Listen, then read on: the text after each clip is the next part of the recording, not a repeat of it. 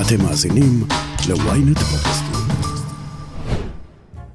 זו התוכנית ה-51 של האמת היא. אזור 51 הוא שטח האימונים החשאי בנבדה, שבו על פי תיאוריות הקונספירציה נחתו חייזרים, פותחו טכנולוגיות אפלות לשליטה בעולם ומה לא. פסטיס 51 הוא שמו של ליקר אניס צרפתי מפורסם. לפי אחד ההסברים, השם נובע מכך שוואן גוך נהג לשתות חמש מנות של אבסינט, האבא של הפסטיס, עם מנה אחת של דיו. גדוד 51 היה הגדוד הראשון בחטיבת גולני, שהתחיל את ימי החטיבה החומה, אז גם אנחנו נתחיל. האמת היא, עם עופר שלח. כולם מדברים על פופוליזם. מה שעד לא מזמן הייתה מילת גנאי, האשמה שהדעה שאתה מביע היא בסך הכל ניסיון להתחנף להמון, הפכה לתיאור אחת התופעות הפוליטיות המובילות של זמננו. טראמפ הוא פופוליסט, אורבן בהונגריה, ואצלנו כמובן ביבי, כי אצלנו הכל ביבי. אז מה זה באמת פופוליזם? מהם השורשים שלו? למה הוא פורח כל כך דווקא עכשיו? האם באמת מדובר במשהו חדש? והאם זה העתיד של הדמוקרטיות בעולם? דוקטור דנה בלנדר, עמיתת מחקר במכון הישראלי לדמוקרטיה, הגיעה למחקר הפוליטיקה מתחום הפסיכולוגיה. השילוב הזה מתאים אולי במיוחד כדי להבין ולהסביר את הפופוליזם ולמה אנחנו צורכים אותו במנות גדולות מאי פעם. דוקטור דנה בלנדר, שלום. שלום. נתחיל באמת ב- ב- בהגדרות. קראתי בשביל להתכונן לשיחה, וכבר ש... כשאומרים פופוליזם, גם כבר כשמגיעים להגדרות מתחילים להסתבך. אז uh, פופוליזם על פי דנה בלנדר, מהו? מהו?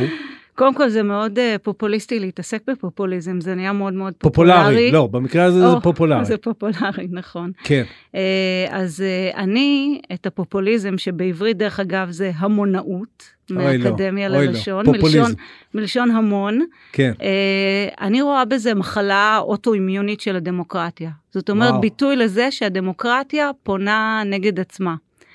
אפשר אפילו, רק ניקח את המילה דמוקרטיה, כן? כמו שלומדים אה, בשיעור אזרחות, כיתה ט', כן? דמוס וקרטיה. לוקחים את הביטוי הזה שלטון העם, והפופוליזם אומר שלטון, אה, אז אנחנו צריכים לשלוט, וזריך שרק אנחנו נשלוט. העם, אה, אז יש פה רק עם אחד שצריך לייצג אותו, ויש לו קול אחד, והוא קוהרנטי ומונוליטי, ו...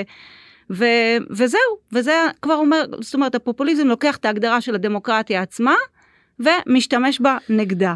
את אה, אה, פתחת עם אה, פטיש חמש וזה בסדר גמור מבחינתי, זה בסדר גמור, רק אם כבר, אז בואי, כי אני אגיד ככה, אם אני גוזר ממה שאת אומרת. כן, זה שלטון העם, יש ויכוח מהרגע הראשון מיהו העם. עכשיו, את, את איבדת באופן די אה, מפורש דעה שלילית על אלה שאומרים העם הוא אני, אבל על כל אחד שאומר לא, העם זה לא אתה, בעצם הוא אומר גם העם זה אני, לא? זאת אומרת, הוויכוח הזה מלווה אותנו מההתחלה. נכון מאוד. אבל מה שמיוחד בכל זאת בפופוליזם, ואני אגיד, אה, אני אוספת, כן, מכל מיני הוגים וחוקרים של פופוליזם, ובסוף, אם אני אוספת את כולם, אני מגיעה לנוסחה מאוד פשוטה, שהיא בעצם מסבירה את מה, מה מיוחד בתפיסת העם, שלא רואים, אבל אני עושה במרכאות. הנוסחה של הפופוליזם היא, זה לא מתמטיקה מורכבת, אנחנו מול הם. או, עכשיו, מי זה אנחנו? יש כאן, נגיד, אפשר בשלוש נקודות להגיד מי זה אנחנו. אנחנו פשוטי העם נגד האליטה, אנחנו מייצגי העם האותנטי, משמיעים את הקול האותנטי של העם אה, מול כל מי שיש לו דעה אחרת, שהוא בוגד. הוא לא יריב, הוא לא, הוא אויב, כן? גם אופוזיציה, זה לא יריבות. אה, אמ, אה, אני מחזיק את עצמי, נגיע לזה. רגע, כן, רק אני אגיד כן. את הנקודה השלישית, כן. שזה גם אנחנו העם, הלאום, האותנטי, הנעלה- וכל המיעוטים האחרים הנחותים. זאת אומרת, זה גם הניחוח הקצת פשיסטי שיש זה לפעמים. לא קצת. זה- בפופוליזם. זה צחנה כן. פשיסטית עזה, מה שאמרת עכשיו, אבל אני רוצה לה- להתחיל מזה, ואפילו כן לנסות להיאחז טיפה בהיסטוריה. כי כשקראתי על זה, בפעם הראשונה, את יכולה להגיד, ובטוח, שפופוליזם, אני לא יודע מה, זה בעיה גם במעמד הר סיני. בכל מקום שיש בני אדם יש פוליטיקה, ובכל מקום שיש פוליטיקה אז יש הבח- הבחנה בין אנחנו ואתם. אבל השימוש, לפחות במקומות אה, השטחיים שאני קראתי, מתחיל במפלגה של איכרים באמריקה במאה ה-19, שבעצם אומרת, וזה מתחבר למה שאת אומרת, יש את ההם בוושינגטון, האליטות לצורך העניין, ויש אנחנו אה, אה, פשוטי העם. מה, האם יש מיוחד בסיטואציה הזאת, או מה, אה, אה, איפה זה מתחיל להזדקק לתוך המסר שמדענים של הנושא, חוקרים של הנושא כמוך, מתחילים לכנות אותו באיזה שם גנרי שנקרא פופוליזם. אז קודם כל מה שאמרת, שזה הביקורת על האליטות, זה תנאי הכרחי לפופוליזם, זה לא מספיק, כי למי אין ביקורת? נכון. ביקורת זה אחד ה- ה- היסודות הכי חשובים בדמוקרטיה. ביקורת על השלטון, אה, ביקורת על המוסדות. אז זה כשלעצמו הוא לא רק כשלעצמו.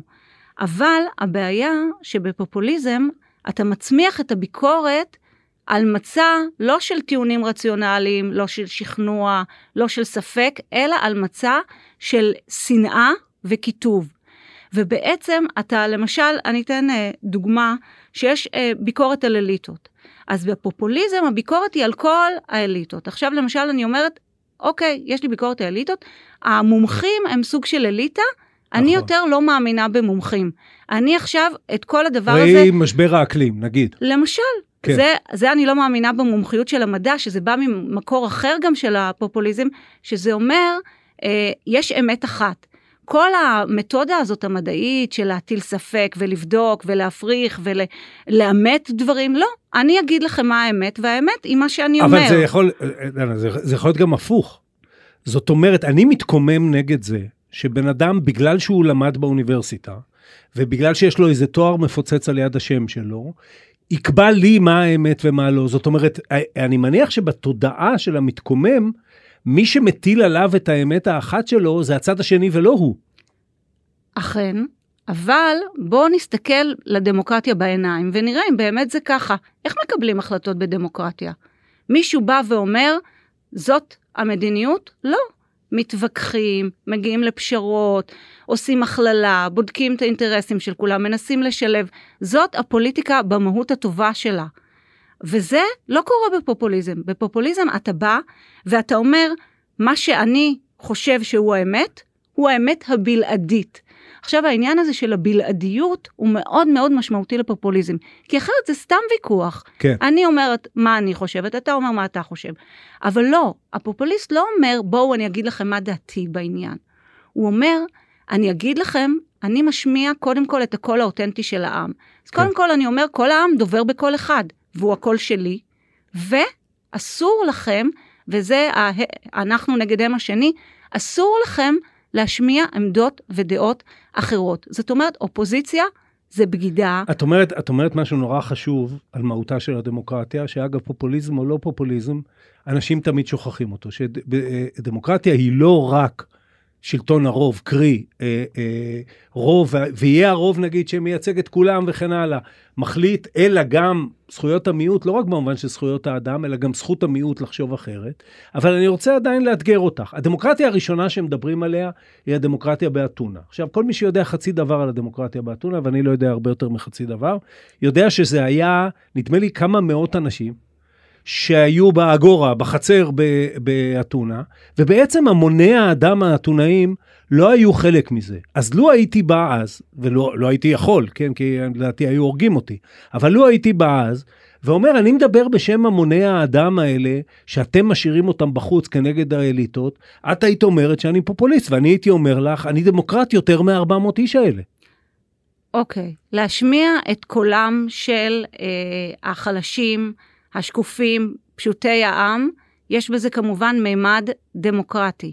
יש לזה גם uh, בתיאוריות של הפופוליזם, קוראים לזה uh, פופוליזם אמנסיפטורי, פופוליזם משחרר, משחרר. כן. הוא משחרר את המיעוטים, הוא הופך את השקופים לנראים, ולזה יש טעם, אלא אם כל עוד אתה מביא את הקול של האחרים לזירה. אבל מה קורה ברגע שאתה שולט, ואתה בעצם הופך את הכוחות האלה, החלשים, אתה אומר, היות שהם היו הקורבנים, הקורבנות, השקופים, אז זה, אני נותן להם כוח, ומה הם עושים עם הכוח הזה? יש אה, פילוסופית פוליטית בשם ג'ודית שקלר, שהיא אומרת שהכוח והאלימות שמפעילים אה, הקורבנות, היא האכזריות הגרועה מכולן. זאת אומרת, יש לנו כאן בעיה ברגע שאנחנו אה, טוענים שרק אנחנו מבטאים גם פשוטי העם הזה, הם לא פשוטי העם כולם כאחד. ופה זה הטעות, אני חושבת, של הפופוליזם, שהוא בעצם יוצר מכל העם ציבור אחד, ומכל האחרים הוא לוקח את כל האחרים ומעמיד אותם אה, מנגד. אבל מה שזה עוד עושה, ופה אנחנו נחזור לאגורה שהזכרת, ברגע שאנחנו אומרים יש אמת אחת, יש רק את הדעה שלנו, יש את כל העם, או במושגים של אה, הפילוסוף רוסו, הרצון הכללי, אז עכשיו אה, בעצם אין שיג ושיח פוליטי, על מה נדבר? על מה נדבר אם יש אמת אחת? עכשיו, יותר גרוע מזה, אה, ברגע שאנחנו אה, משתיקים את הקולות של האחרים, אז אה, אנחנו ממיתים את כל המרחבים החופשיים של הדמוקרטיה, את כל די, החירות שנייה, הדמוקרטית. שנייה, כי כמעט כל משפט שאת אומרת יכול לקחת אותנו לשדה והוא מרתק, ונצטרך אה, אה, קצת להחזיק את עצמנו עכשיו, כי אני יכול לטעון לפנייך, למשל, שבארצות הברית של היום, אנחנו נגיע מן הסתם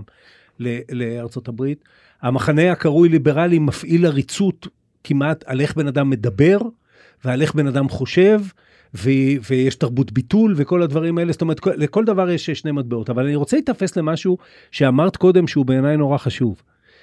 בעצם אמרת, ותגידי לי אם אני צודק, שכאשר ההמון, זאת אומרת, המספרים הגדולים, שהם באמת יכול להיות שנשארים בחוץ, מחוץ לחצר, מחוץ לשלטון, מחוץ לכוח, מפעילים את המחאה הזאת, זו מחאה, את ייחסת את את הפופוליזם לשליט.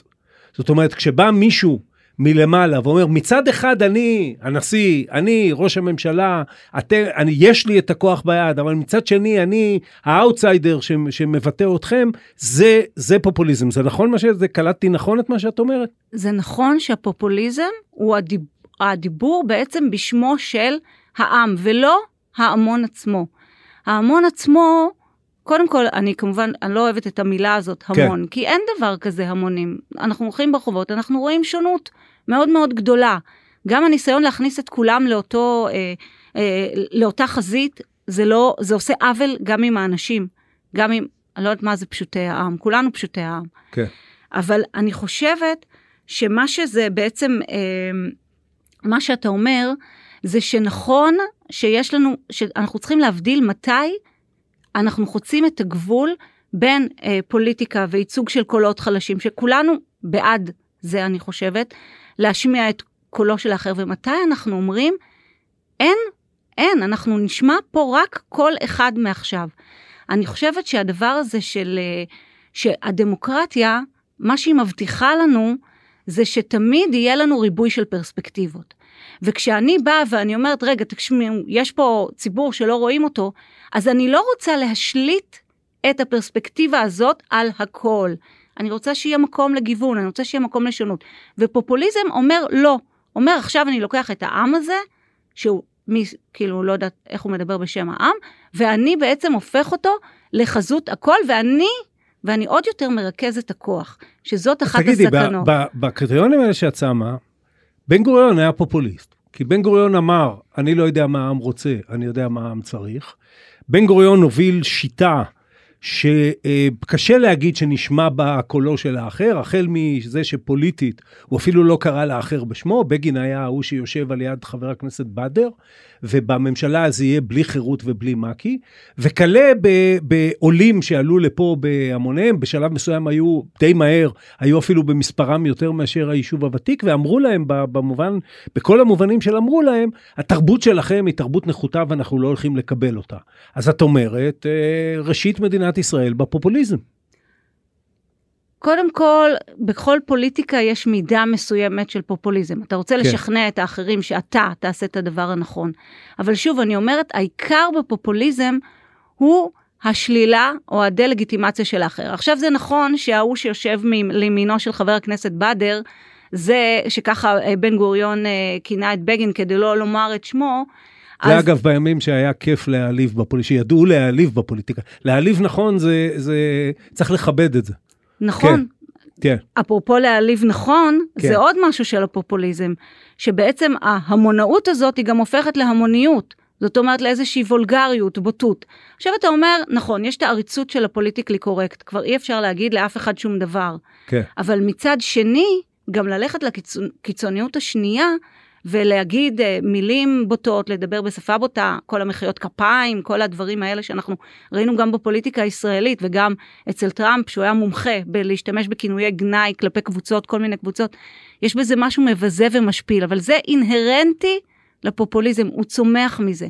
עכשיו, עם כל, קודם כל אני חושבת שזה לא, זה לא הכי נכון להסתכל ככה אחורה על בן גוריון, קודם כל בגלל שהוא היה מנהיג של, בשלב של אה, בינוי אומה וכינון של אומה, ויש אתגרים שהם בתחילת הדרך, שיש דברים שאתה לא יכול להרשות לעצמך כשאתה בונה אומה, ואחר כך אתה כן יכול כן. וצריך להרשות. כן, אתה לא יכול אה, אה, אה להרשות אה, שיהיו כמה אה, מחתרות וכמה זה, ואחרי זה אתה יכול להרשות כל מיני דברים שלא הרשית קודם. אבל גם בן גוריון, הייתה לו אופוזיציה, האופוזיציה השמיעה את קולה, האופוזיציה דיברה בכנסת, הוא היה מאוד דמוקרט במובן הזה. ודרך אגב, ההמשך של המשפט שאתה אמרת לגבי בן גוריון, הוא אומר, ואם העם לא חושב שאני יודע מה שאני, מה, מה שהוא צריך, אז אני אלך הביתה. אני אל... לא העם ילך הביתה, אני אלך הביתה. אז אני אלך הביתה. ברור. אז שזה בעצם, ה, ה, כן מראה שהיה את האלמנט הדמוקרטי. עכשיו, גם, גם בגין בעצמו, היה לו אלמנטים דמוקרטיים מאוד מאוד חזקים. מה ששונה בפופוליזם זה הדה-לגיטימציה של האחר. כל האחר. של אחר. כן. זה, שזה מאוד מאוד חשוב, כי, כי בלי זה אין לנו דמוקרטיה. אני, אני אה, נגעתי קודם בשורשים, שוב, לפחות אה, הגדרתיים, המש, המפלגה הראשונה, הייתה מפלגה פופוליסטית בארצות הברית אה, ב, בסוף המאה ה-19, אפילו תמכה בבחירות ב-1896 בוויליאם ג'נינגס בריין, שנחשב לפוליטיקאי הפופוליסט הבולט, שהיה מועמד של הדמוקרטים, והיא צמחה, כמו שאמרתי, ממפלגת איכרים. זה נכון להגיד, שבכל מקום שיש קדמה, ראי המהפכה התעשייתית, ראי הגלובליזציה שבאה עם המהפכה הטכנולוגית של ימינו, מי שנשאר בחוץ מה, מהקדמה הזאת הוא הקרקע לפופוליזם, זה נכון? אה, אני חושבת שזאת הבחנה אה, מעניינת. זה נכון שהפופוליזם צומח ברגעים שבהם יש התערערות, נאמר, של הערכים ושל תחושת השייכות. אה, אנחנו רואים את זה היום.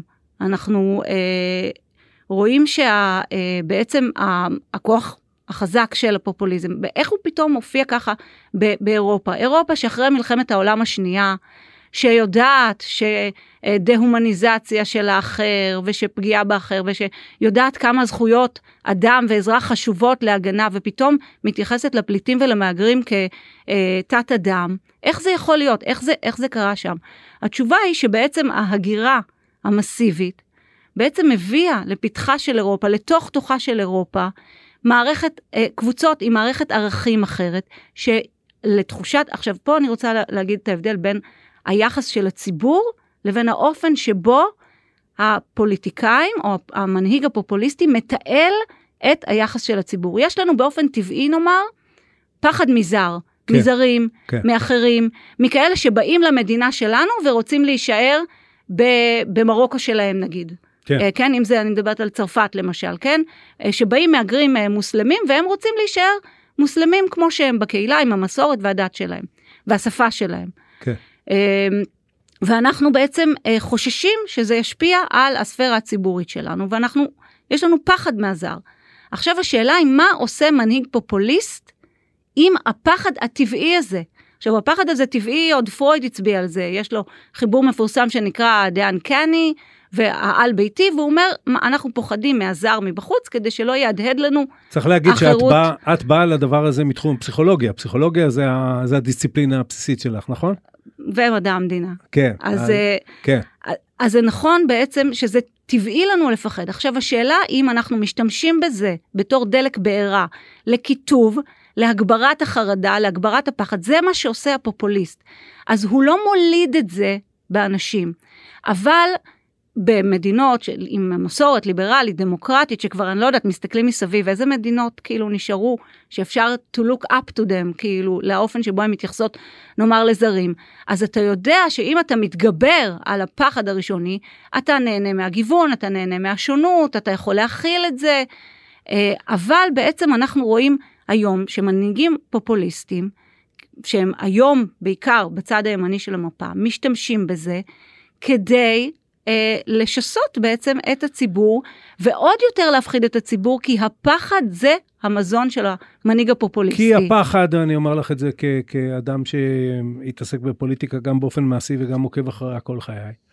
כשאת, אה, אה, בסוף פוליטיקה בנויה על להגיע למחנה המשותף הרחב ביותר, כי הוא ייתן לך את הכוח, ואני מדבר על פוליטיקה דמוקרטית. ואת רוצה להגיע למחנה המח- הרחב ביותר, תרדי הכי נמוך שיש. והכי נמוך שיש זה פחד. זה חשש שלוקחים לי את המקום. זה חשש שהתרבות שלי, כמו שאת אומרת, תהיה בסכנה. זה תחושה שיש אליטה שמעדיפה את האחר על פניי, את הפועל הווייטנמי, שייקח לי את אה, מקום העבודה, או את ה... אם להגיע אלינו, את הפלסטיני, אוהבת את הפלסטיני יותר מאשר אותי. ומה לעשות, במספרים, תמיד ככל שתרדי יותר נמוך, יותר קמאי, יותר לכיוון הפחד, יהיו לך מספרים יותר גדולים. נכון, זה חומר הבעירה הפוליטי הטוב ביותר, הפחד, החרדה, אבל משטר, זה כבר אה, אפלטון אה, עמד על זה, זאת אומרת משטרים שבנויים על פחד ועל חרדה, סופם שהם מגיעים לפתרון של ריכוז הכוח בידי מישהו אחד או בידי קבוצה מאוד מאוד מצומצמת. עכשיו, לא קרה בהיסטוריה, אין דוגמה, שבה ריכוז הכוח עשה משהו טוב. אתה לא יכול לרכז בידיך המון המון כוח כדי להפגין סובלנות. אין דבר כזה. אם יש בידיך את הכוח, אתה משתמש בו כדי להשתיק את האחרים, כדי לדכא. אז אני אומרת, הדבר הזה, פוליטיקה שההתחלה שלה היא פחד ושנאה, סופה שהיא תהיה לא דמוקרטית.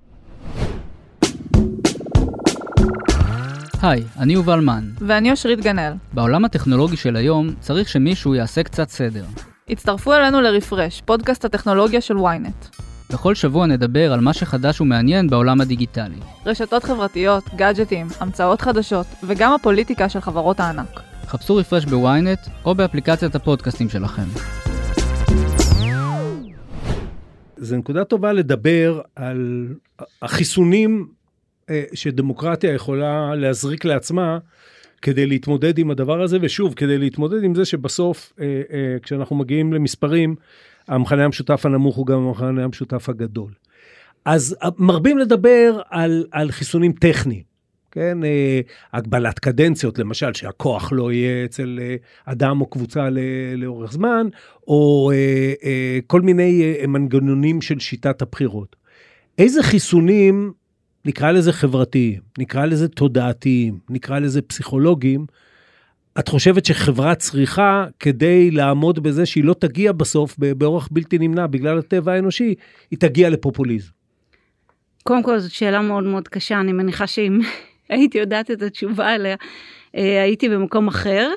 אני חושבת, קודם כל שזה נכון, שזה טבע האדם אה, לנוס מחופש, כמו שערך פרום אמר, ולחפש את הוודאות, את האמת, את מי שנותן לו את הביטחון, ושנותן לו להרגיש בעל ערך.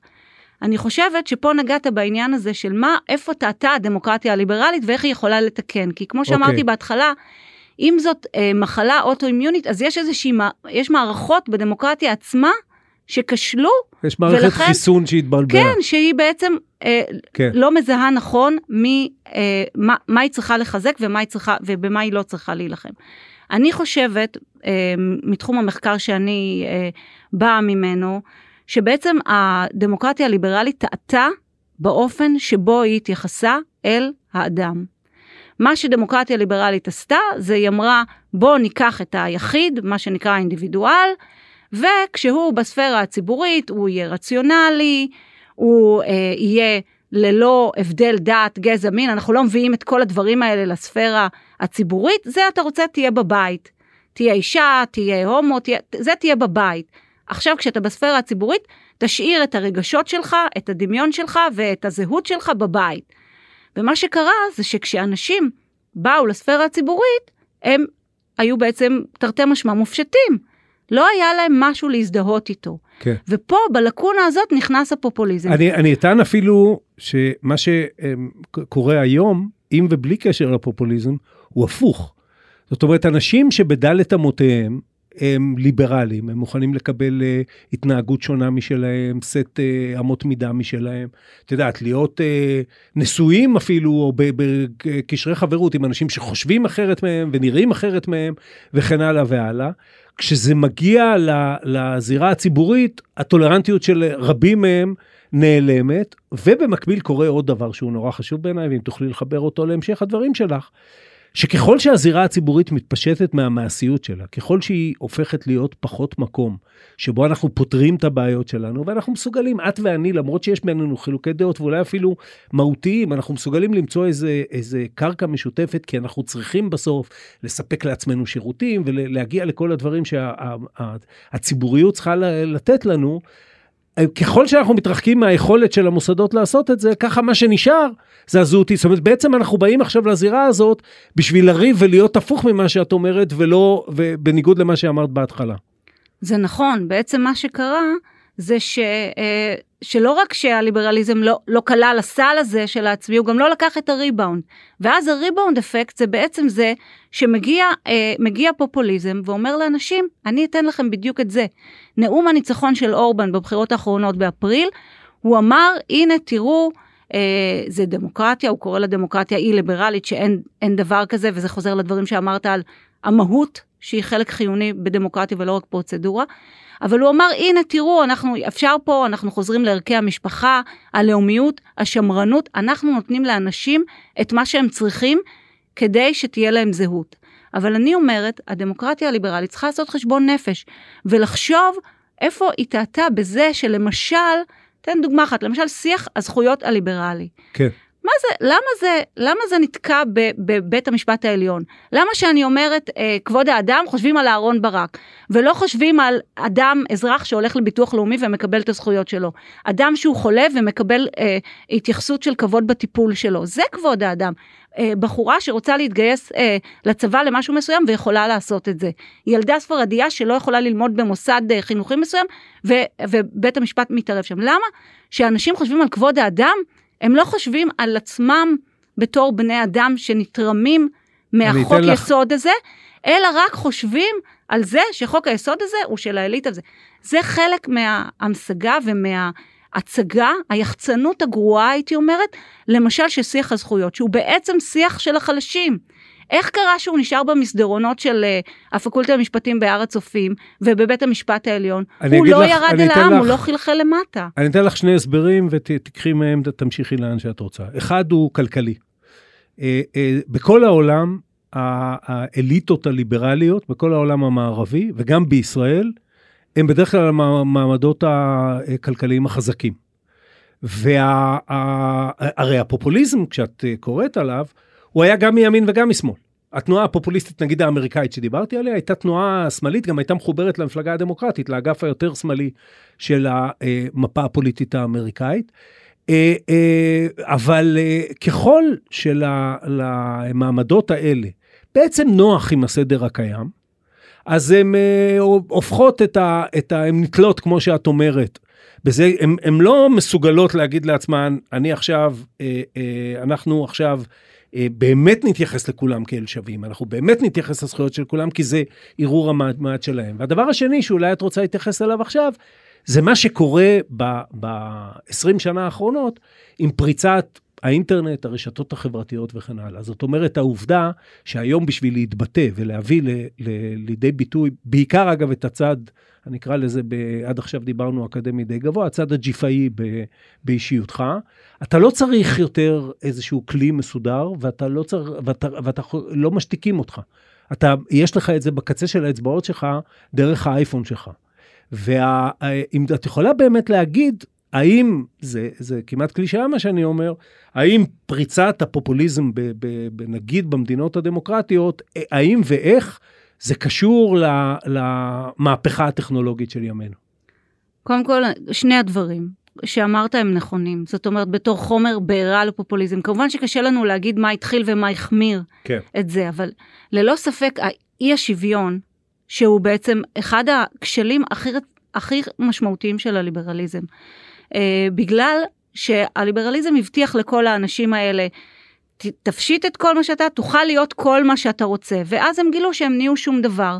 ונשארו מאחור, ובאמת הטינה, הטינה כלפי אלה שיש להם, בין אם זה בעלי ההון, בין אם זה בעלי ההשכלה, בין... הטינה היא כל כך גדולה, ובחלקה הגדול היא מוצדקת. היא מוצדקת בגלל שאנשים שניתן להם ההון וניתן להם ההשכלה וניתן להם הכוח, נשארו באמת במקומות, לא, לא, סליחה, לא ירדו לחלק אותו, זה לא חלחל כלפי מטה. כן. אנשים נשארו מאחור. כן. אז אני חושבת שהדבר, האי שוויון... והפערים האלה רק גדלים בעידן הטכנולוגי של היום, כי יש מעמד טכנולוגי שרץ, כ- ראי משכורות בהייטק, כן? יש מעמד טכנולוגי שרץ קדימה, ויש אלה שהם מאחור, הם היום לא רואים את הגב שלהם. אני חושבת שאי השוויון הוא, אה, הוא, כל עוד האי שוויון יהיה כל כך חריף, הפופוליזם רק אה, יתחזק. העניין, ה, ה, כי, כי בעצם הדמוקרטיה הליברלית לא, לא קיימה את מה שהיא הבטיחה. ואני חושבת שמה שאמרת על הרשתות החברתיות, הוא גם, הוא גם נכון, הוא גם סיבה וגם הוא זרז. כן. זאת אומרת, מה שקרה עם הרשתות החברתיות, אני לא יודעת אם אנחנו זוכרים בכלל, אבל אנחנו שהיינו כאן, שלפני שהתחיל האינטרנט, האינטרנט התחיל בתור גורם חתרני, הוא הולך נכון. להיות מבשר החירות שלנו. המשחרר הגדול, כן. המשחרר הגדול, אנחנו, זה, אה, ובעצם, תוך לא הרבה שנים, הפכנו מלראות ברשתות החברתיות את ההבטחה של הדמוקרטיה לאיום הכי גדול עליה. כי הקיטוב וההקצנה בשיח הפוליטי ברשתות החברתיות הוא פשוט, אה, יש, הוא בנוי בצורת האלגוריתמים של החברות, דרך אגב, אפרופו ריכוז הכוח, הכוח לא התפזר. אנחנו האמנו שיהיה אינטרנט והכוח יתפזר בין כל מיליוני בני אדם שתהיה להם נגישות לאינטרנט. לא, זה לא קרה. הכוח יש לו נטייה להתרכז, והוא יתרכז בידיים של החברות הגדולות. עכשיו, מה הן עושות? האלגוריתמים שלהם עובדים על זה שהם ימכרו לי את המוצר שהכי מתאים לי. גם הדעות של אחרים הם סוג של מוצר שהכי מתאים לי. כל הדברים האלה אני למדה מדוקטור אה, תהילה שוורץ אלטשולר, עמיתתי במכון. אז מה, איך שהאלגוריתמים האלה בנויים, זה בעצם שיש להם מערות הדהוד. הם רואים שאני מתעניינת בעמדה מסוימת, אז הם לא מביאים לי עכשיו עמדה הפוכה, למי יש סבלנות לעמדות הפוכות? תביאו לי עוד אנשים לא שחושבים זה, כמוני. לא רק זה, הם, אה, זה כבר הגענו למצב שבו הם לא מביאים לך בכלל נושא ששייך לכיוון שלי. אני אתן לך דוגמה, אני הייתי אה, לא מזמן בארצות הברית, ועכשיו אני מדבר על, על legacy media, על, על כלי תקשורת ממוסדים. את פותחת CNN, 24 שעות ביממה יש עיסוק בוועדת החקירה בקונגרס על השישי בינואר, על ההסתערות על הקפיטול של אלה שלא הסכימו, שחשבו שגנבו להם את הבחירות וטראמפ בעצם אה, לא הפסיד, 24 שעות ביממה. את עוברת ערוץ אחד לפוקס, תסכים ב... אני לא יודע מה, ביידן נופל מהאופניים, זאת אומרת, זה אפילו לא אם מביאים לך את הצד השני של אותו דיון. זה עולם שלם של עובדות של מה חשוב, מה קורה, מה מתרחש בכלל, שאו שאת פה או שאת פה, שמה שבעצם הרשתות החברתיות והיום המדיה הממוסדת בסך הכל מעתיקה אותם, יצרה מצב שאני יכול לחיות בכלל בעולמי. אני לא, אני שומע רק אנשים ש, שחושבים כמוני, הם מהדהדים לי את מה שאני רוצה, נותנים לי הרגשה שאני צודק, נותנים לי הרגשה של שייכות, אין לי מה לדבר בכלל עם הצד השני. ועוד יותר מזה, גם זה מוקצן, יש את התופעה הזאת של מחילות הארנב, לא רק העמדות כמו שלי, אלא יותר קיצוניות, כי זה יותר ויראלי אה, ויותר, אה, ויותר מושך. ואני חושבת שאתה אומר, היום אנחנו יכולים לייצר את המציאות שבה אנחנו רוצים להאמין. כן. באופן מאוד אה, אה, משמעותי, באופן כזה שגם זה נותן את, זה בעצם אה, אה, מפתח סגנון פוליטי, שהוא סגנון פוליטי שמתחבר גם עם הפחד מאחר וכל זה, זה סגנון פוליטי אה, של קונספירציות. זאת אומרת, כל העולם נראה כאילו, עכשיו קודם כל זה אמיתי, כי גם אנחנו מושכים בחוטים לייצר את המציאות שאנחנו רוצים להאמין בה, אבל אנחנו גם מסתכלים על השירות הציבורי ואנחנו אומרים, זה לא אמיתי, העמדות של האנשי המקצוע, זה, הם רוצים להשליט פה את האג'נדה שלהם. יש תמיד איזה שהם חוטים נסתרים. ואפרופו שאמרת בתקופות כאלה שמתערערים הערכים, אז יש מחקרים שמראים שבתקופות כאלה, זה תקופות של פריחה של קונספירציות. כי קונספירציה זה דרך להגיד, זה אני למדה מפרופסור ירון אזרחי, זיכרונו לברכה, שהיה המורה שלי, שבעצם קונספירציות הן אה, אומרות, הסיבה והתוצאה שאתה רואה, זה לא הסיבה והתוצאה. כן. יש כאן אה, דברים נסתרים. אז כל הדברים האלה, גם של השיח ההמוני, גם של הקונספירציות, כל הדברים שאנחנו רואים מסביבנו, והרשתות החברתיות מתדלקות ומקצינות, כל הדברים האלה קשורים גם לפופוליזם. אני, לפני סיום, ואמרת לי לפני השיחה שאת רוצה בסיום להיות אופטימית, אז אני אקח אותך עוד סיבוב אחרון. האם כל מה שאמרנו עד עכשיו, כל מה שהסברת כל כך יפה עד עכשיו, כולל סוגיית אה, האינטרנט והרשתות החברתיות, שחשבנו שזה יהיה המשחרר הגדול, ובסוף אה, אה, זה גורר אותנו למקום אחר לגמרי, לא בסך הכל מחבר אותנו למה שאני אמרתי, וזה אומר, זה הטבע האנושי. הנה עובדה, יש כלי. הכלי הזה, יכולנו לעשות איתו, יכולנו באיזה מובן אמורפי כמובן, לא ישבנו והחלטנו, אבל יכול היה לקרות איתו כל מה שאנחנו רוצים, והנה לאן, לאן שהוא אה, מביא אותנו. בצד האחד, לאליטות, כולל האנשים שיצרו אותו, בעיקר ייצרו מזה אה, רווח, רווח וכוח, כן? כי אמרת, זה עבר מ... מ אה, אה, אה, אולי אפילו מממשלות לח- לחברות האינטרנט ו- וכן הלאה. ובצד השני, נחשף בו הטבע האנושי, והטבע האנושי הוא לשנוא, הטבע האנושי הוא לפחד, הטבע האנושי הוא להיגרר אחרי פופוליזם. קודם כל זה נכון שמבחינה פסיכולוגית וקוגניטיבית, הפופוליזם מציע הוא הרבה יותר אטרקטיבי, הרבה יותר קל להתמגנט לרעיונות פופוליסטיים. אבל, אני אומרת בכל זאת, בתור בני אדם, אנחנו אנשים לומדים. וההיסטוריה לימדה אותנו, ודרך אגב, זאת סיבה נוספת לזה, שאנחנו רואים עכשיו, בשנים האלה, את עליית הפופוליזם, שהתרחקנו ממוראות מלחמת העולם השנייה. כן. הזיכרון ההיסטורי, רוב האנשים שחיים היום לא זוכרים את, אה, את, את מה שהיה, כן. כשנסחפנו, לא לאו דווקא, כאילו, שעמים שלמים, נאורים, נסחפו אחרי הרעיון הזה של אנחנו אומה גדולה, לנו יש את הכוח, והכי נורא, הדה-הומניזציה של האחר. כן. שזה מוציא מיד אכזריות מבני האדם. אבל אני אומרת, אנחנו, אם, אנחנו הרי לא נחזור לדברים הקמאיים, אנחנו לא חיים רק את הדברים הקמאיים שלנו, וזהו, בוא ניקח, תמיד טוב, פרויד, אפלטון, מה שלא זה, תיקח אוקיי. פרויד ואפלטון. וזה. אפלטון אגב, אני לא רוצה להיכנס לוויכוח על אפלטון, אבל אפלטון האמין ב... גם כן באיזה עריצות של אליטה, כן? לגמרי. המלך הפילוסוף, הוא, לגמרי, את אפלטון הוא צריך... לא באמת התכוון לדמוקרטיה להמונים. לגמרי, כן. אפלטון בהידרדרות המשטרים בפוליטאה, הוא בעצם שם את הדמוקרטיה הרביעית מתוך חמישה, החמישי זה עריצות, כן. ומה שלוקחים ממנו, אבל מה שאפשר לקחת ממנו לימינו, זה האופן שבו הוא מתאר איך דמוקרטיה מידרדרת ל, אה, ברור. ל- לטוטליטריות. אבל בעצם אני חושבת שאם אנחנו בכל זאת רוצים להגיד, לא, לא הכל אבוד, כי אנחנו לא חיים רק את זה. קודם כל אפשר תמיד לחזור לפרויד שאומר, בסדר, גם אם יש לך, in dreams begins responsibility, זה יץ המשורר אמר. זאת אומרת, גם אם יש לך חלומות ודחפים, אתה מתגבר עליהם.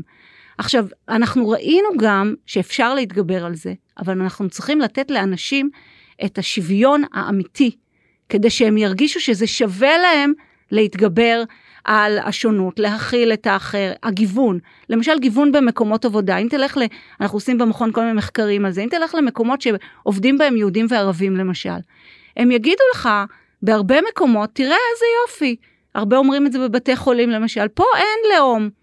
פה כולם נחמדים, כולם רוצים לעזור, ואנחנו מרוויחים מזה. אז אני חושבת שבסופו של דבר, ברמת היומיום, הכיתוב הזה פחות עובד. הוא עובד ברשתות החברתיות, והוא עובד כשמנהיגים פופוליסטים הופכים אותו אני ל... חייב להגיד שאני אולי יותר פסימיסט ממך, אבל אני לא, אה, אה, העובדה שיש אחוז גבוה של אה, נגיד אה, עובדי סיעוד אה, ערבים, או אפילו רופאים ערבים, לא משפיע על, ה, על ה, אה, נגיד הפרהסיה הפוליטית שלנו. אה, מביאה ללא מעט מקרים שבהם יהודים אומרים, אה, לא נוח להם עם זה שערבים מטפל בהם והם אה, משמיעים את זה, ובסוף, אה, אה, לכאורה היינו אומרים, היא צריכה, שוב אני אומר, בפרטי, היא מביאה להומניזציה של האחר. יש את האיש שמטפל בך ברגע הזה, או אפילו מציל את חייך, אז אה, האיש או האישה האלה הם יקרים בעינייך. איכשהו, כשאת מגיעה להמון שלך, והוא מגיע להמון שלו, הדבר הזה לא עובד. אני חושבת שזה יותר נכון, ברגע שזה מתורגם לרמה הפוליטית, אז נוצר איזשהו אה, עיוות בדבר הפשוט הזה שבו אמרת, אני ואתה יכולים להסתדר. כן. זאת אומרת, יש, כי פוליטיקה בנויה בעצם מזה, אבל אני רוצה להגיד למשל אה, בעניין, למה ישראל כל כך פגיעה לפופוליזם למשל. בגלל שאמרנו שאחד הדברים הכי, אה, אם אתה רוצה מתכון לפופוליזם, קודם כל תמצא לך אויב מבית, ולנו יש בלתי. אויב מבית שהוא גם אויב מחוץ, שזה תחושת איום. אנחנו מה שוויל קימליקה מנק- מכנה אה, minoritized majorities. זאת אומרת, זה רוב עם תסביך של מיעוט. תשאלי, כשאת מדברת עם אה, ליכודניקים, והם אומרים את זה חלקם בהומור, המילים, המי- הרוב המקופח, זה אז, אז שתי אני מילים אומרת- הראשונות שאת שומעת. אז, אבל אז, הם אומרים את זה כאוקיי, זה, זה בסיס הכוח שלנו, אנחנו הרוב, ואנחנו עדיין מצליחים לשמור על זה שאנחנו אנדרדוגים ומקופחים, ו- וההם, שהם המיעוט, הם בעצם השולטים פה. אז אני, אני רוצה להגיד שהעניין הזה של אה, רוב עם תודעה של מיעוט, זה אחד הצירופים הכי מסוכנים. בגלל שאתה בתודעה של קורבן, אבל יש לך כוח.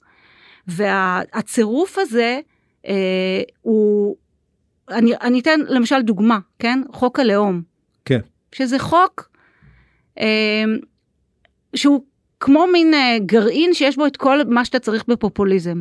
כן. למשל, אבל אתה, לא- מספיק שתסתכל על הסעיף הראשון שלו, הסעיף של ההגדרה, יש שלושה סעיפים שונים שאומרים כמעט את אותו דבר. כן. ישראל היא המולדת ההיסטורית, יש לנו זכות להגדרה, ישראלי, אה, להגדרה אה, אה, אה, של עצמית, העם היהודי כן. בארץ, בארץ אה, בישראל, במדינת ישראל, אה, זכות היסטורית, טבעית וזה, ושלוש, רק לנו, זה כן. ייחודי לנו. כן. עכשיו אתה אומר, מי שבטוח בעצמו, למה הוא צריך שלושה סעיפים שהם עודפות כזאת מיותרת? כל חוק הלאום הזה הוא חוק שהוא דוגמה לזה של חוק שלא רואה שיש אחרים ולא רוצה לדעת שיש אחרים. אני אגיד לך משהו, היות ואפילו הייתי שם, וגם יצא לי להגיד לחברי הטוב אבי דיכטר, שהיה מיוזמי חוק הלאום, שמה שמטריד אותי בו בעיקר זה שהוא פחדני. ככל שאתה כציבור, ועכשיו אני אדבר נגיד על הציבור היהודי ב- בישראל בהכללה, מאבד באמת את תחושת הצדק הטבעי שלך, מאבד באמת את ה... אה, אה, המוסרית שאומרת גם, בן גוריון אמר, ישראל אה, תשרוד בכוחה ובצדקתה. אתה מאבד את הדבר הזה, שלייצר לעצמך כוח, כן, שהלקח ההיסטורי הוא שנייצר לעצמנו כוח, אבל גם שאנחנו צריכים להיות צודקים, אז אתה נראה לא רק רע כלפי האחר ומוציא את האחר מן הכלל, אתה גם נהיה פחדן. נכון, ואנחנו לא צריכים להסתכל רחוק. זה נכון שבחוקות של מדינות אחרות, ברגע שהם עושים, אומרים יש לנו זכות להגדרה עצמית של הרוב במדינה הזאת, הם מיד אומרים ויש שוויון לכל המיעוטים האחרים. בזה. אבל אנחנו לא צריכים להסתכל על אחרים, בואו נסתכל על עצמנו. במגילת העצמאות, בהכרזת העצמאות, היה את הדבר הזה. עכשיו, מדינה בתוך מלחמה, תחת איום, עדיין מבטיחה שוויון לכל האזרחים וקוראת לתושבים הערבים לעזור בבניין הארץ. איפה זה היום? לא, הזכ... לא, לא, לא הצליחו להזכיר את המילה, בסוף זה רק בשפה הערבית. כן. כן. המילה היחידה, כן. ויש עוד מקום שכתוב בו לא יהודים. חוץ מזה יש עוד עשר פעמים בחוק שמופיע יהודי יהודי.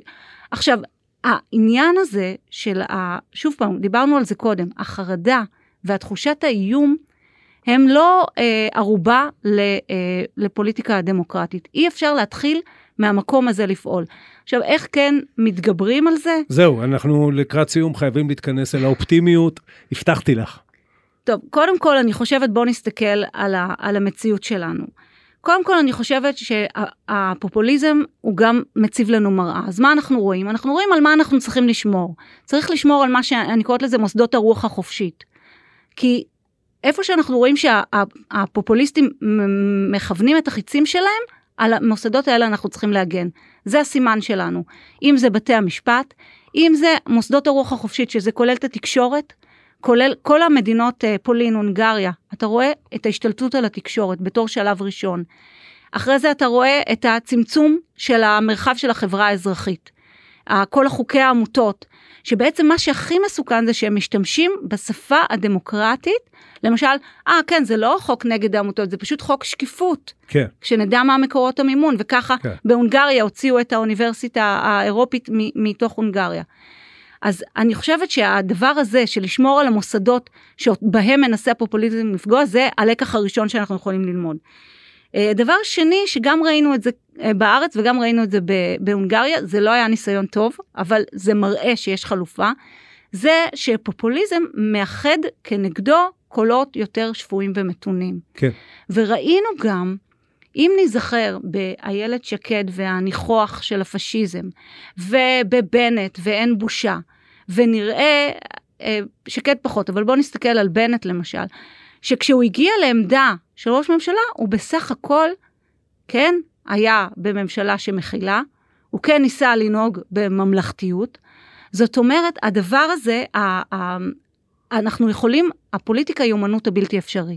זה בוא נגיד אם רוצים לצאת מפה עם משהו אופטימי. אוקיי. אז כשאנחנו מאמינים, זה למדתי מפרופסור יצחק גלנור, שגם איתו אין, אין דבר עבדתי. שאת לא נותנת עליו קרדיט, זה- זה בסדר גמור. בסדר, אני תלמידה טובה. לא, לא, נהדר. אה, אחרי זה אני אגיד לך מה למדתי ממך. אחר כך שנסגור. כן, בכל אופן, אני אומרת, הפוליטיקה היא אומנות בלתי, הבלתי אפשרי. לא היית מאמין שליברמן אה, נאמנות, אה, בלי נאמנות אין, אה, אין אזרחות, הוא יושב עם מפלגה ערבית אני, בקואליציה. אני מציע, אני, אני לא אמרתי לך אה, לפני שאני לא אגרור אותך למחוזות הפוליטיקה הנוכחית, אני מציע לקחת מאוד בזהירות את המבנה הפוליטי הנוכחי, כי הוא לטעמי פשוט יצא מדעתו. זאת אומרת, אה, אה, זו ממשלה שבה זה לא שליברמן אה, מוותר על ערכיו ומחשבותיו, אלא שהפוליטיקה הישראלית מתכנסת סביב סוגיה אחת, הקרויה סוגיית נתניהו, שהיא מעוותת את, ה- את הכתבים המגנטיים בכלל, אבל בואי לא נלך לשם. קודם כל, קודם כל זה לא נכון, לשם. זה נכון, אני כתבתי על זה מאמר, קראתי לזה אופוזיציה שהתחפשה לקואליציה. כן. זה ברור שהיא נשארה אופוזיציה כן. וזה לא עשה את כולם דומים, אבל קודם כל הדחקה, היכולת להדחיק ולעשות סובלימציה היא גם, היא גם חשובה, אבל אני חושבת שאתה יודע מה, בוא נגיד אתה אומר לי, קודם כל אני רוצה להגיד, וזה חשוב, בגלל שאנחנו מדברים כן. על פופוליזם ועל הדמוס, ההמון וכל זה, אה, דמוקרטיות לא נופלות בגלל ההמונים, אלא בגלל מערכת פוליטית שמקטבת ומשתמשת אה, בכוח הזה כדי להרוס את הדמוקרטיה. והפופוליזם, דרך אגב, אה, יש עוד הרבה מה להגיד על הפופוליזם, הפופוליזם, דרך אגב, הוא מומחה בשימוש בדמוקרטיה נגד עצמה. ואנחנו רואים למשל שימוש ברוב הדמוקרטי ובעקרונות הדמוקרטיים כדי להכשיר כל חוק. אה, זאת אומרת. אה, נאמר הפופוליזם משחק את המשחק הדמוקרטי, אבל הוא משחק אותו מלוכלך, והוא גם רוכש את הכוח לשנות את הכללים של המשחק. אה, אז אני חושבת שבוא נגיד אתה אומר ואני אוקיי הולכת איתך נגיד אתה אומר לי עזבי את הפוליטיקאים הם עושים מה שלצרכים אנחנו ראינו איך שינו את כללי המשחק שלנו חוק היסוד לצרכים פוליטיים אה, ממשלה חלופית וזה זה לא לא משם תצמח הטובה. אז אתה יודע מה אני אגיד לך משהו אחר מהציבור. כן, מהציבור הישראלי תצמח הטובה. קודם כל. יש, מד... יש הרבה מדדים בינלאומיים של אה, כל מיני היבטים של דמוקרטיה, יש מדד אחד שישראל במאיון העליון, השתתפות פוליטית. כן. השתתפות פוליטית. אנשים, אני לא האמנתי שבמערכת בחירות הרביעית, ונראה מה יהיה בחמישית, אנשים לא יסבלו ממה שנקרא voters fatigue, לא יסבלו מעייפות של הבוחרים. כבר הכל אותו דבר, הם הולכים להצביע, שום דבר לא משתנה. אז כבר היית מצפה שיתייאשו מהמערכת הפוליטית, זה לא קורה. כן. האזרחי ישראל לא נואשו מהמערכת הפוליטית, וגם בסקרים שאנחנו עושים במכון, למשל אחרי חקיקת חוק הלאום, שאלנו האם לדעתך היה צריך לה- להכניס את ערך השוויון. רוב בציבור הישראלי, ודרך אגב גם רוב בתוך הציבור היהודי, חשבו שכן. זאת אומרת, הרבה פעמים הציבור הוא יותר דמוקרטי, וכמו שאתה אומר, ברמת היחיד, הסובלנות והליברליות היא יותר גדולה, מאשר כשמתרגמים את זה לרמה הפוליטית. ופה נכנסת האחריות של הנבחרים שלנו, של נבחרי הציבור. כי העתיד של הדמוקרטיה הוא על הכתפיים שלהם, לא של הציבור. ברגע שמגיע הכוח אליהם, השאלה היא מה הם עושים איתו. אם הם מקטבים ומשסים, או אם הם מנסים כן למצוא את המחנה המשותף הקונסטרוקטיבי. שני דברים אני אגיד לסיום. אחד, אני, אני מאמין מאוד גדול במה שאמרת עכשיו, בתודעה הדמוקרטית ובעוצמה הדמוקרטית המובנית בכלל של הקהילה הישראלית. אני מאוד מאמין בזה. אה, אני תמיד מזכיר לחבריי האמריקאים שבמלחמת העולם השנייה, כשהעירייה הכי קרובה לחופי ארצות הברית הייתה בערך אה, עשרת אלפים קילומטר משם, בקליפורניה הכניסו אנשים שהוריהם נולדו ביפן למחנות מעצר, ובית המשפט העליון אגב אישר את זה פעמיים. אז אני מאמין בזה. ושתיים, אני בדרך כלל לא נוהג לדבר על מה שקורה מאחורי הקלעים של הפודקאסט הזה, אבל אני אגיד הפעם שהייתי צריך לשכנע אותך אה, לבוא, כי את טענת שאת לא בטוחה שמה שיש לך להגיד הוא אה, רלוונטי או חשוב, ואני צריך לעצור אותך בכוח, אות- אותך ואת עצמי, אחרי כמעט 50 דקות. דוקטור דנה בלנדר, תודה רבה. תודה לך. עד כאן עוד פרק של האמת היא. אתם מוזמנים לעקוב אחרינו בוויינט או באפליקציית הפודקאסטים המועדפת עליכם. אם זה קורה באפל או בספוטיפיי, אתם מוזמנים גם לדרג אותנו. אל תתביישו לכתוב לי בקבוצת הפייסבוק פודקאסט להמונים, ואם אהבתם, לא נתנגד שתשלחו את הפרק לחברים. העורך שלנו הוא רון טוביה, הפקה ערן רחמני, על הסאונד גיא סלם. אני עופר שלח, נשתמע בפעם הבאה.